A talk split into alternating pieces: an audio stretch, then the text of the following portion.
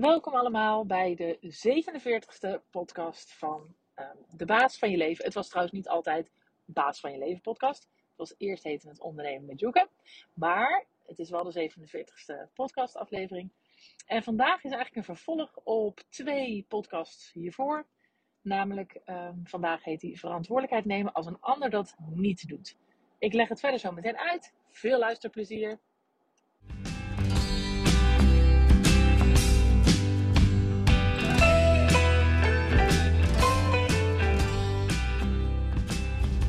Vandaag een podcast dus over ehm, verantwoordelijkheid nemen als een ander dat niet doet. En ehm, dat is de inhoud van deze podcast, omdat ik naar aanleiding van een van mijn vorige afleveringen over verantwoordelijkheid nemen, dat het iets anders is dan alleen maar positief denken. En daar kreeg ik een DM op met een vraag die ik super goed vond en ook super fijn, want uh, daardoor uh, kan ik vervolgens nu um, ook nou ja, mijn kijk op dat stukje geven. En nogmaals, even in alle bescheidenheid een disclaimer: uh, dat hoe ik erover denk helemaal niet boeiend is en ook helemaal niet de waarheid is. Maar als jij deze podcast luistert, dan vind jij het blijkbaar toch wel boeiend. En dan uh, geef ik je bij deze een inkijkje in mijn hoofd en hoe ik daarover denk. En wie weet, haal je er wat uit. Ik haal er altijd wat uit bij een ander in ieder geval. Dus uh, vandaar dat ik het ook leuk vind om dat voor, voor anderen te doen. Dus bij deze. Um, de vraag was: um, ik kreeg eigenlijk een berichtje over die podcast, dus met uh, verantwoordelijkheid nemen dat het iets anders is dan alleen maar positief denken. Volgens mij is het twee afleveringen terug, als je hem nog niet geluisterd hebt. En uh, zij vroeg mij: wat doe je nou als de instelling waar je mee te maken hebt, en zij is mantelzorger voor, haar, voor haar partner.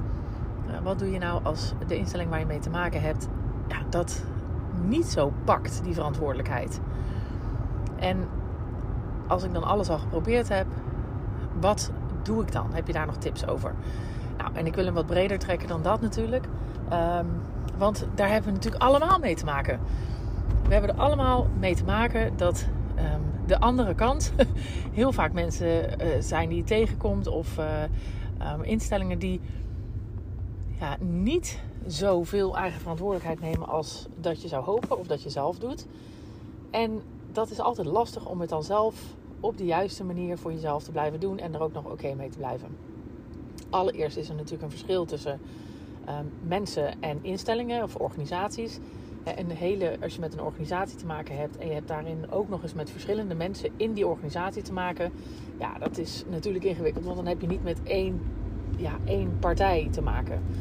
En dus dat maakt het sowieso al wat extra ingewikkeld. Maar um, al, laat ik het even beperken op wat als de andere persoon um, niet ja, de, de, de verantwoordelijkheid pakt zoals jij zou hopen dat hij dat zou doen. Allereerst um, heb je altijd een keuze. Niet zozeer natuurlijk als je je uh, partner of een familielid in een, in, nou, dat is trouwens niet waar, maar in een instelling uh, verblijft dan heb je uiteraard minder keus. Helemaal geen keus is natuurlijk niet zo, maar je hebt minder keus om uh, zelf te kiezen of je dit contact wel of niet wil. Um, ja, en dat maakt het gelijk ook ingewikkeld. Je, je hoort me haperen. Ik ga het even toespitsen op gewoon de andere persoon. Dus je bent in contact met een andere persoon. En die andere persoon merk jij, neemt die verantwoordelijkheid niet en jij wel voor uh, jouw deel. En hoe ga je er dan mee om? En wat ik dus net wilde zeggen, maar ik begon te haperen omdat ik die instellingen bij ging halen, dus dat is niet, even niet zo handig. Uh, je hebt altijd een keuze, en daar begint jouw eigen verantwoordelijkheid dus gelijk. Je hebt altijd de keuze of je met deze persoon wil omgaan of niet. En dus er, er kan een grens zijn van ik wil dit niet. En daar ligt jouw eigen keuze. Uh, tweede feit is, um, je kan nooit een ander veranderen.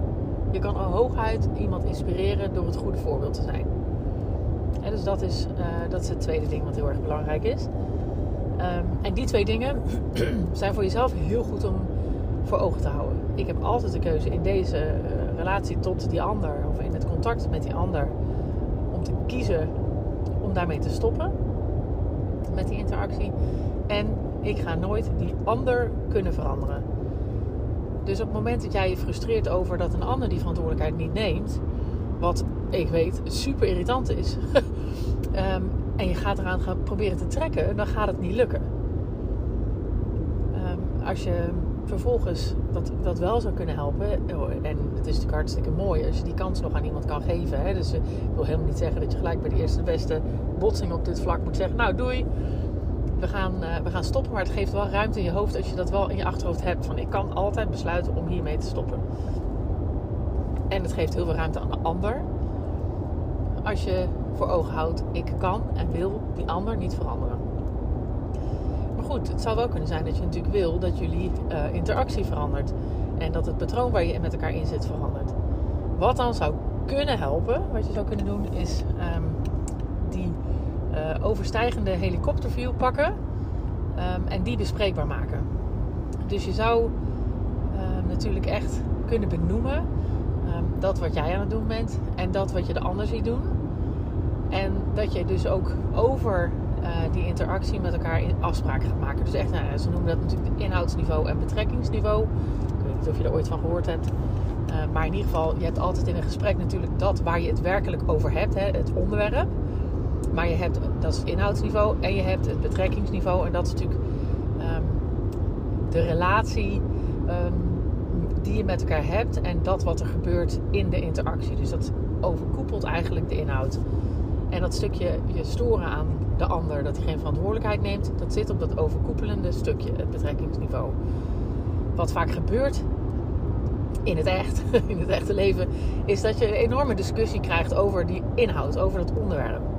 Terwijl de frustratie niet op het onderwerp zit, maar op het betrekkingsniveau, dus op de inhoud. Uh, hè, niet op de inhoud dus, maar op het overkoepelende wat er gebeurt in de relatie.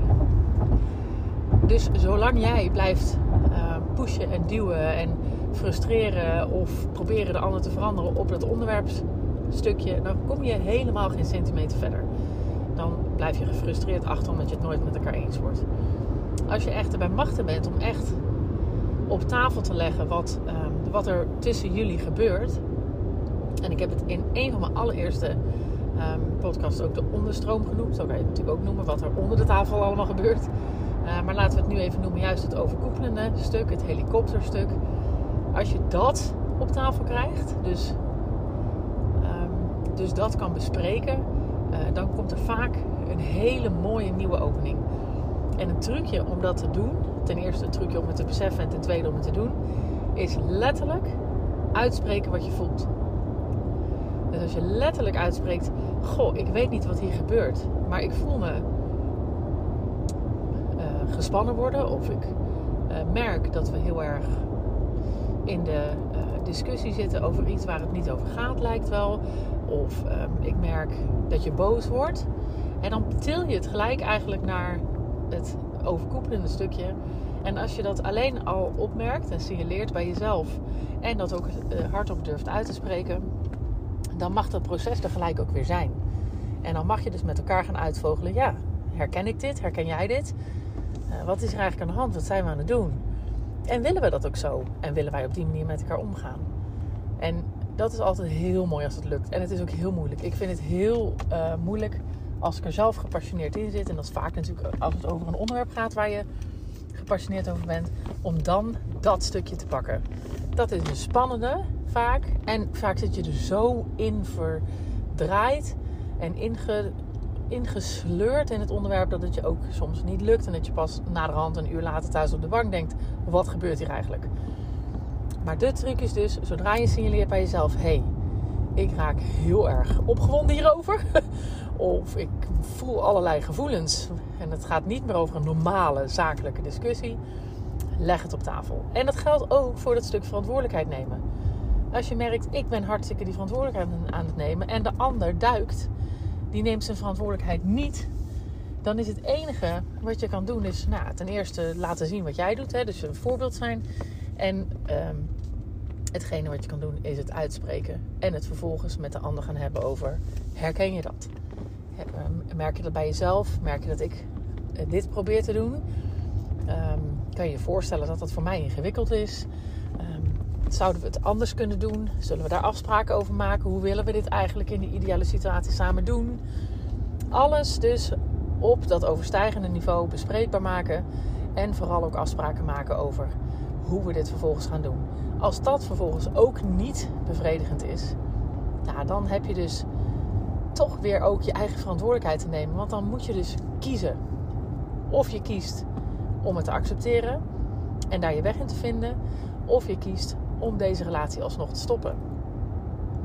En uh, de optie, ik ga de ander alsnog veranderen, die, dat leidt alleen maar tot energieverlies en frustratie. En dat gaat, gaat hem niet worden. En hier zit ook dat gelijk dat stukje weer van als het van een persoon naar een organisatie gaat. Dus als het wel gaat om meerdere personen en een organisatie. Ja, dan kom je dus ook op dit punt uiteindelijk. dus je kan laten zien wat je doet. Uh, het voorbeeld zijn. Als dat niet genoeg is, kan je het bespreekbaar maken. Afspraken maken over hoe je met elkaar dus in de interactie bent. En hoe je wat jij verwacht van de ander op dat verantwoordelijkheid te nemen stuk. En zij van jou. En als het uiteindelijk niet lukt, heb je, heb je twee opties. Het accepteren en je weg erin vinden. Of een andere keuze maken. En dat is ook ultiem verantwoordelijkheid nemen. Ook overigens die keuze om het zo te laten en het te accepteren. Vind ik ook ultiem verantwoordelijkheid nemen. En soms is dat ook het enige juiste wat je kunt doen, omdat dit de beste optie is. Maar door het te accepteren maak je het wel hanteerbaarder. Want dan weet je, oké, dit is de situatie. Dit, moet, dit is de situatie zoals zij met mij in interactie zijn. En dan kan je dus ook gaan kiezen hoe jij daar vervolgens mee omgaat. En ook dan zal het meer grip opleveren. Nou, ik hoop dat ik me een beetje duidelijk heb kunnen verwoorden. Een paar keer uh, ik wat, omdat ik wat eh, dingen door elkaar aan het halen was. Ik ben super benieuwd wat je ervan vindt. En ehm, nou ja, of je daar aanvullingen hebt of misschien nog aanvullende vragen. Want dan maak ik daar gewoon weer een nieuwe podcast over. Ook leuk. En ehm, nou, voor nu wens ik je een hele mooie dag. Lieve mensen, dat was hem weer. Ik hoop dat je hebt genoten van deze podcast. En op naar de volgende uiteraard. Het zou mij ontzettend helpen als je de podcast zou willen delen op social media. Zoek me op op Instagram en Facebook onder Juke Stellinga. Tot de volgende keer.